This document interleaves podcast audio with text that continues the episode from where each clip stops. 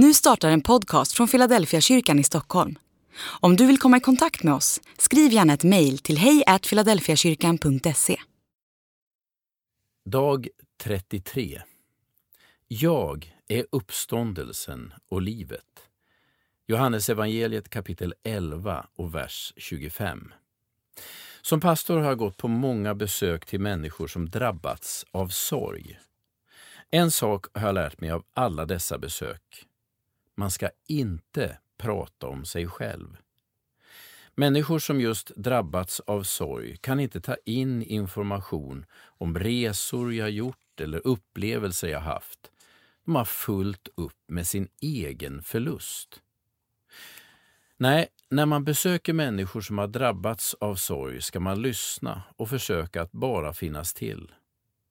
När Jesus möter Marta, som just har förlorat sin bror, säger han utan minsta tvekan Jag är uppståndelsen och livet. Han frågar inte mycket om hur Marta mår eller hur sjukdomsförloppet gick. När han har mött Martas storm av känslor säger han helt enkelt Jag är uppståndelsen och livet.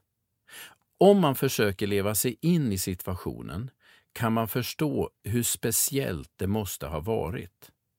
Alla andra är engagerade i Martas sorg och förtvivlan. Gråterskorna är på plats och stora delar av byn deltar i sorgen. Men när Jesus kommer följer han ett helt annat mönster. Istället för att ge efter för sorgen pekar han på sig själv och säger att han är svaret på all sorg och saknad. Det blir uppenbart för alla inblandade som hör vad Jesus säger att det bara finns två tolkningsalternativ. Antingen är han knäpp eller också är han Gud själv i mänsklig gestalt. För Marta är valet självklart trots att Lazarus fortfarande ligger i graven.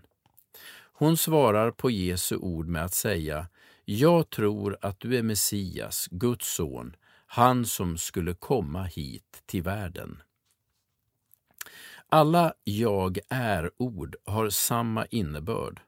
Oavsett vilka frågor vi har är Jesus det djupaste svaret på all vår längtan och alla våra behov. Andlig övning. Vad är din sorg och saknad här i livet? Vad händer om du tar din sorg till Jesus?